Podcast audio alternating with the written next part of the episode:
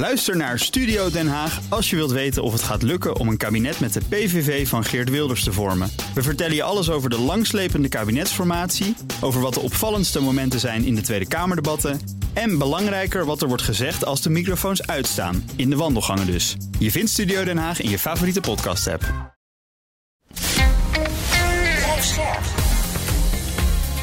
BNR Nieuwsradio. Boekenstein en de Wijk. Hugo Reitsma. Welkom bij Boekenstein en de Wijk. Het is donderdag, dag 512 van de oorlog in Oekraïne. En Peter Weininga is weer bij ons. Uh, Peter, kan jij ons iets wijzer maken over de situatie aan het front?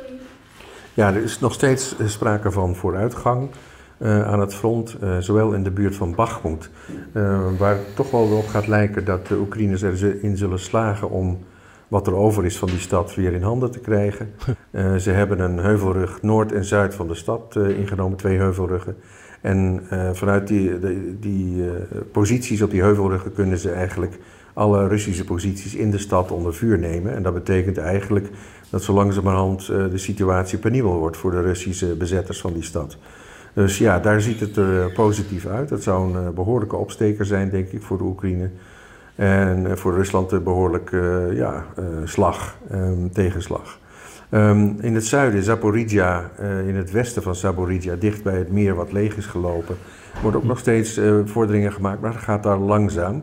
En het heeft alles te maken met de enorm uitgestrekte mijnengebieden hm. die de Russen daar hebben aangelegd. Waarin het langzaam is ja, om vooruit te komen, omdat Oekraïners eigenlijk een tekort hebben aan zwaar uh, ontmijningsmaterieel. Uh, en heel veel uh, ontmijning met de hand moet gebeuren. Ja, dat gaat natuurlijk uiterst langzaam. Um, ja, um, wat je tegelijkertijd ziet is dat de Oekraïners zelf ook vinden dat die vorderingen te langzaam gaat.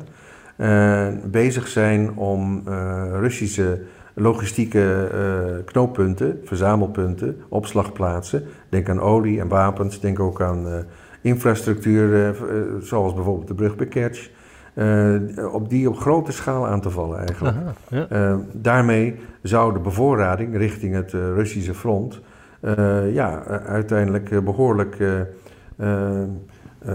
vertraagd kunnen worden en misschien wel helemaal stopgezet. Nou, dat zijn effecten die natuurlijk niet meteen zitten, want er zit mm -hmm. natuurlijk van alles in die pijplijn richting het front. maar als die opslagplaatsen echt worden vernietigd, dan gaat die pijplijn op een gegeven moment opdrogen. En dan ga je dat denk ik aan het front zeker zien. Dus dat zal uh, mogelijk wel uh, wat, wat lucht creëren voor de Oekraïners op de grond. Alleen blijf je zitten met die mijnenvelden. Um, ja, en daar moet gewoon zwaarder materieel voor worden aangevoerd. En ik heb begrepen dat dat ook alweer onderweg is. Dus ja, wat dat betreft ja, nog steeds gematigd positief. Al zou iedereen willen, Oekraïners in kluis, dat het veel sneller zou verlopen. Volgens mij zaten ook ontmijningsapparaten in dat nieuwe pakket dat de VS heeft aangekondigd. Toch, Arend-Jan? Jij noemde dat. Ja, 1,3 miljard steun, wapens en munitie. Er zit in NASAMS, dat is luchtafweer. Hè? Er zitten in 152 mm granaten voor de oude Sovjet-Unie-houwitsers. Ja. Uh, Anti-tank missiles, uh, drones die je één keer kan gebruiken, zelfvernietigende drones. En, uh, en inderdaad materiaal om dus te ontmijnen. Ja, daar is echt nu grote behoefte aan. Uh, zodat ze zich een ja, weg kunnen banen door die mijnenvelden heen. Zonder dat ze zelf worden opgeblazen natuurlijk. Dat is wel belangrijk. Ja, ik zag een Oekraïense commandant geciteerd in de Financial Times. Die zei, uh, ze liggen soms om de halve meter, die mijnen. Er is soms ja. geen doorkomen aan. Ja. ja. Dat is echt vreselijk. Ja. Jongens, weer een aanval op Odessa vannacht.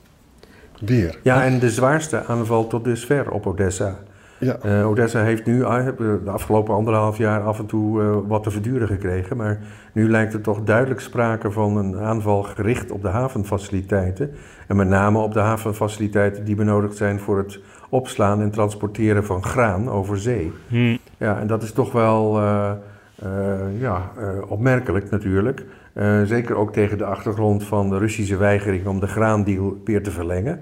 Uh, lijken ze nu toch echt wel uh, zich te richten op de hele capaciteit die daarmee ja, gemoeid is om het spul uh, aan boord van schepen te krijgen. En dus ook het scheepvaartverkeer op de Zwarte Zee richting de Bosporus en dan de wereld over, om dat ook te bemoeilijken.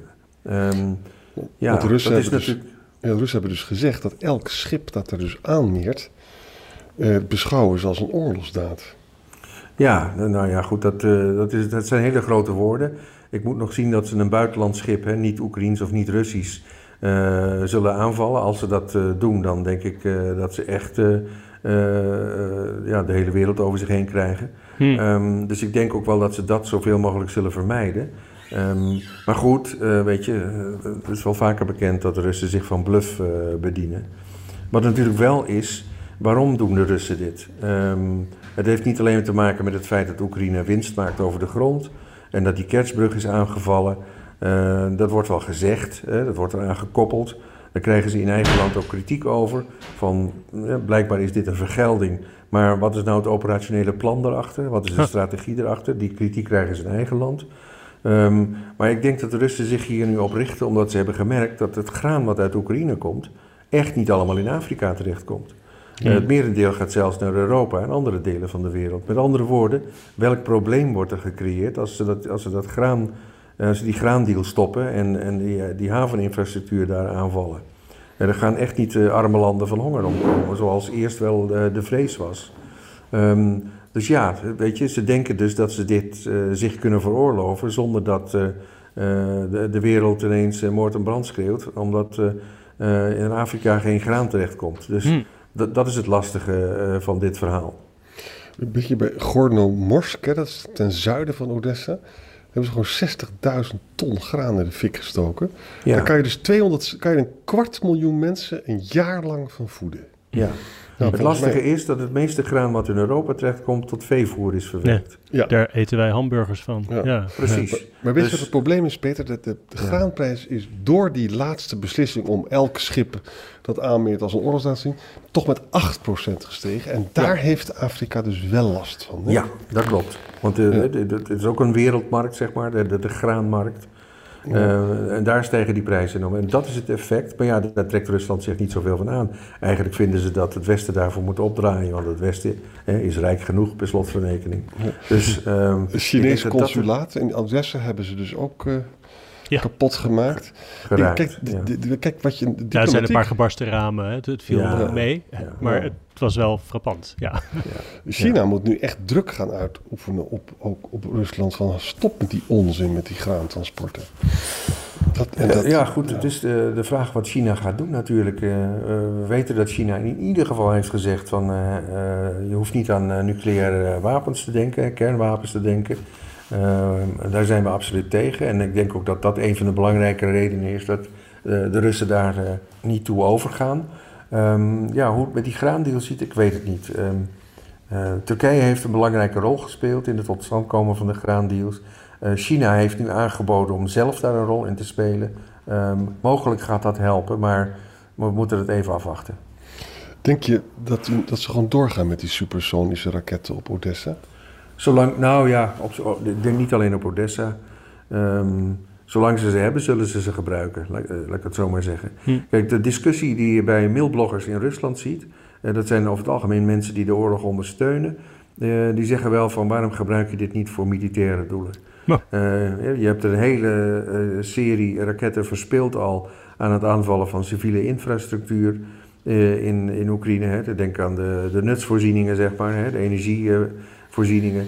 Um, terwijl je dat eigenlijk beter aan militaire infrastructuur had kunnen besteden, militaire doelen. En ook nu weer, het wordt in feite aan civiele doelen besteed en niet aan militaire doelen. En dat vindt men in die community van uh, mailbloggers in Rusland een probleem. Nou, ben ik wel met ze eens.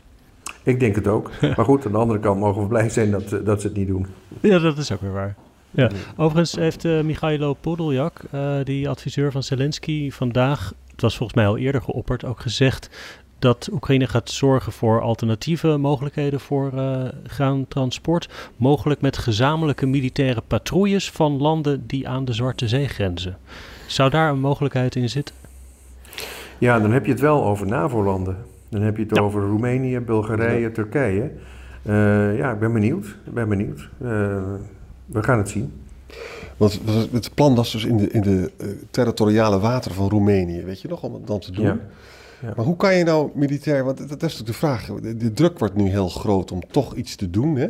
Nou, je zegt terecht, de escalatiegevaar is groot en dat kan je ook niet in de hand hebben. Maar betekent dat dan dat we helemaal niks kunnen doen? Wat, wat zou militair nou nog kunnen om toch wat graan daardoor te laten gaan, zonder dat je de zaak gelijk escaleert? Nou ja, kijk, je, je zou inderdaad kunnen kijken naar een soort internationaal, uh, ja, een, een, een soort uh, coalitie, zeg maar, om dit mogelijk te maken. Het mooiste zou zijn als daar landen aan deel zouden nemen die niet per se lid van de NAVO zijn. Hm. Uh, maar ja, de meeste landen die niet van de NAVO zijn, die houden zich afzijdig. En vinden het lastig om, om hier partijen in te kiezen, omdat ze deels ook een afhankelijkheidsrelatie met Rusland hebben. Um, dus, dus, dus, dat maakt het erg moeilijk. Ik denk dat het vooral moet komen van politieke en ook diplomatieke druk op Rusland. En daar kan China met name een belangrijke rol in spelen. En mogelijk zijn ze nu ook wat meer bereid om, om dat te doen. Ja. Hm. Zuid-Afrikaanse tankers. Stel je toch voor. Ik zag overigens ook nog, dat, dit, dit kwam van uh, persbureau TAS, hè, staatspersbureau. Die zei ook dat Moskou beschouwt landen waarvan schepen de vlag voeren als partij in het conflict aan Oekraïnse zijde. Maar dat, is toch, dat zijn vaak helemaal niet de landen van herkomst. Dat is gewoon een, dit is meestal Panama of zo, of Malta. Ja, ja. Dus gaan Rusland naar Panama aanvallen. Ja, ja goed, weet je, dat, ik, ik zie het als bluff. Ja. Dan gaan ze niks, Klinkt het dat gaan ze natuurlijk niet doen. Ja. Ja. Hey, over landen gesproken die met een enige afhankelijkheidsrelatie. Arjan, je had nog uh, nieuws van Wagner uit Belarus? Ja, het is echt ongelooflijk. In uh, ik, zijn verhaal staat in de New York Times en Wit-Ruslands Belarus zegt zelf dat de Wagner-groepen die trainen nu soldaten, wie dat zijn weet ik niet, uh, aan de grens met Polen. En ze zijn, het kamp ligt in Azipovici, maar ze zijn nu bij het stadje Brest dacht dat het een Franse plaats was, maar dat schijnt dus ook in Belarus te Brest-Litovsk ja. Oh ja, natuurlijk ja. En dat is dus vijf kilometer van de Poolse grens. Een hele gezellige plek. En 30 kilometer, ruim 30 kilometer van de Oekraïnse grens. Maar ze, ze doen ook een, de Russen hebben een lijstje laten, laten Nee, de, de hebben zelf een lijstje gedaan. Uh, en het is meneer Marx, grappig, hè, net als Karl Marx, dus, dus woordvoerder van Prigozhin, die zegt dan... Nou, er waren 78.000 Wagner-soldaten in de Donbass. Daar zijn er 10.000 van nog heel en die leven in Belarus. 22.000 zijn dood en 40.000 zijn gewond. Ongelooflijk trouwens. Hè? Nou, er zitten dus 10.000, als we dit moeten geloven uh, Wagner-soldaten in uh, Wit-Rusland, vlak bij de Poolse grens. Polen reageert daar direct op. Hè. Die zit ook allemaal uh, hm. troepen daar neer te zetten. Peter, ik kan me niet voorstellen dat je met 10.000 Wagner-soldaten iets gaat doen daar. Ik, ik, zie het gewoon niet voor me. Maar goed, ik zag die aanval op Kiev ook niet aankomen. Nee, dus kijk, als ze, als ze willen, dan zouden ze iets kunnen ondernemen. en dat hoeft niet echt aanvallen te zijn met een, uh, zeg maar, om Kiev te veroveren, want dat kunnen ze niet. Maar uh, ze kunnen wel natuurlijk een hoop last verzorgen uh, in, het, in het grensgebied. Waardoor Oekraïne genoodzaakt is om daar extra troepen naartoe te dirigeren. Ja. Troepen die Oekraïne dan elders niet kan inzetten. Dus dat kan exact. wel. Ja. Um, dus de vraag of ze dat gaan doen. Er gaat een filmpje rond van um, Prigozhin, blijkbaar heeft dat filmpje gemaakt in Belarus, uh, s'avonds, uh, op een moment dat al zijn troepen daar verzameld waren, en waarbij hij zijn troepen toespreekt. En uh, waarbij ook Dimitri Utkin, eigenlijk een militaire baas van, van Wagner, even aan het woord komt. En dat is wel opmerkelijk, want dat is voor het eerst dat Dimitri Utkin sinds 2016 naar buiten treedt. Um, daar worden al die mensen, al die Wagnerianen, zeg maar, of de muzici zoals ze ook wel eens worden genoemd, worden daar welkom geheten. En uh, wordt gesproken over trainen inderdaad voor nieuwe operaties. Uh, en daar wordt Afrika genoemd. En dat is wel opmerkelijk natuurlijk. Want dat zou kunnen betekenen dat ze niet verder in de oorlog met Oekraïne worden ingezet. Maar goed, het kan ook een afleidingsmanoeuvre zijn. Maar zoals het nu staat, kun je zeggen inderdaad, Prigozhin, Utkin en een groot deel van de Wagner-eenheden die nog intact zijn, zijn nu in Belarus. Ja, en ze bevinden zich op, in kampen inderdaad, uh, nou ja, op loopafstand van uh, de Poolse en uh, Oekraïnse grens. ik denk dat dat door Lukashenko met opzet zo gekozen is. Want dan hm. gaat er een soort van dreiging van uit. Hm. militair gezien noemen we dat wel force in being. er zit, een, er zit een, zeg maar een vijandelijke eenheid. Je weet niet precies hoe groot die is. Je weet niet precies wat hun oogmerk is. Maar alleen het feit dat ze daar zijn, betekent dat je daar rekening mee moet houden. Mhm. En ja, dat je daar eventueel eh, troepen voor moet reserveren om, ja, als ze iets van plan zijn, ze tegen te houden. Ja. En het maakt het voor ons mogelijk om een overgang te maken weer naar die hoofd van de eh, MI6, de Richard Moore. Oh, die had nog iets gezegd. Ja, Ja. die heeft een, is een Politico-event in Praag. Eh, en, dan, en dan wordt hij door iedereen ondervraagd natuurlijk. Hè. Het is wel grappig dat je de hoofd van MI6 kan interviewen. Hè. Ja. En dan begint hij dus over die deal die Poetin kennelijk dus gesloten heeft met Prigozhin. Hè, waar Peter ook eh, over sprak in het voorgesprek. Hè. Peter zei van waarschijnlijk is het dan... Ja, kreeg, hij kreeg gewoon een vrijgeleide van Poetin naar Wit-Rusland toe. Eh, een paar dagen later zei Poetin zelf dat ook de Wagner-activiteiten in Afrika worden overgenomen door de, door de staat. Maar of dat allemaal, dat is helemaal onduidelijk. Want nu hoor je weer dat Prigozhin in Afrika gewoon doodleuk doorgaat. En misschien wel loopt te trainen in Wit-Rusland daarvoor. Hè? Nou goed, hoe, hoe, het ook, eh, hoe je het ook went of keert. ehm, wat er, wat er zo, hij, hij, hij gaat door hè, op, de, op die these van gisteren, die we gisteren ook behandelden. Van, luister eens, Prigozhin heeft natuurlijk iets gezegd dat hij helemaal nooit had mogen zeggen. Namelijk, hij heeft gewoon letterlijk gezegd: er was helemaal geen bedreiging uit Rusland voor Oekraïne. Of uit Oekraïne voor Rusland. Ja, Rusland, ja. Nou, dat hebben we dus maandenlang, van, jarenlang van Poetin gehoord. Hè? Dat heeft de televisie heeft dat ook allemaal verspreid en zo. Het is allemaal onzin, zegt hij. Dit is gewoon Poetins oorlog. Dit is de, het ego en ambitie van Poetin. Nou, dat betekent dus wel dat als je dat mag doen... en vervolgens ook nog met eh, Poetin mag eh, onderhandelen... vier, vijf dagen later met, met 30 commandanten erbij dan geeft dat gewoon aan dat Poetins positie echt verzwakt is. Nou, dat hebben we zelf ook allemaal eh, geconcludeerd. En waar die mee eindigt, dat vind ik interessant om over na te denken. Weet je jongens, je, je kan proberen om lessen uit de geschiedenis te trekken. Alleen de, is de, de essentie van geschiedenis is verandering. Dus vaak trek je de verkeerde lessen omdat de vergelijk niet opgaat. Hè. Maar in 1989 trok dus Rusland zich terug uit Afghanistan... omdat de interne druk in Rusland te groot werd. Hè. Nou ja, nu fantaseren we ook, hè, speculeren we ook van... Ja, als er toch een machtsverschuiving in de elite zou zijn... en als er mensen in Rusland gaan denken van... nou, dit is wel echt de Poetinse oorlog geweest... het nog slecht uitgepakt ook... dan kan dat eh, leiden tot misschien dat, eh, dat Poetin wordt afgezet of zo. Hè? Dat, zijn, dat zijn dingen waar Richard Moore allemaal een beetje over loopt te speculeren. Niemand weet of het klopt, maar interessant is het zeker. Ja, er zijn geluiden, en ik denk dat Moore daar ook aan refereert, ehm, uit Sint-Petersburg met name. Hè, dat is in feite de, ja, de thuisbasis van, van Poetin, maar ook van Prigozhin. Ehm, dat eh, de, de machtige figuren in, eh, in Sint-Petersburg eigenlijk vinden dat eh, Poetin plaats moet maken voor een opvolger.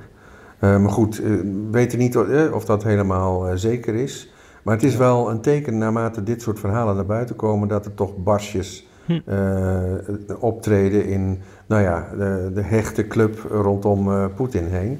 Eh, en ja, en het is de vraag hoe dat gaat aflopen. Ik denk wel, en ik, mogelijk kunnen we die parallel wel trekken, dat als Oekraïne of als Rusland zeg maar, deze oorlog verliest, dan wel uiteindelijk besluit zich terug te trekken uit Oekraïne, eh, of uit een gedeelte van de, van de bezette gebieden, bijvoorbeeld eh, de Krim, omdat die positie daar onhoudbaar wordt door de Oekraïnse aanvallen en, en het isoleren zeg maar, van het eiland, of schiereiland. Ehm, ja, dan, dan zou dat best wel enorme repercussies kunnen hebben voor het zittende regime, en met name voor Poetin. Dus ik denk dat je die parallel mogelijk wel kunt trekken. Maar goed, eh, zover is het nog lang niet. Eh, we moeten Hmm. wat dat betreft voorzichtig zijn. Ja, eh, laten wij gewoon eh, morgen verder spreken. Wat dacht je daarvan? Ja, dat gaan we Lijkt me doen. een goed idee. Bedankt. Tot morgen, Peter en Hugo. Tot morgen. Tot morgen. Ook Harm Edens vind je in de BNR-app. Je kunt BNR Duurzaam niet alleen live luisteren in de app, maar ook terugluisteren als podcast, zoals al onze podcasts. En naast dat de BNR-app Breaking News meldt, houden we je ook op de hoogte van het laatste zakelijke nieuws. Download nu de gratis BNR-app en blijf scherp.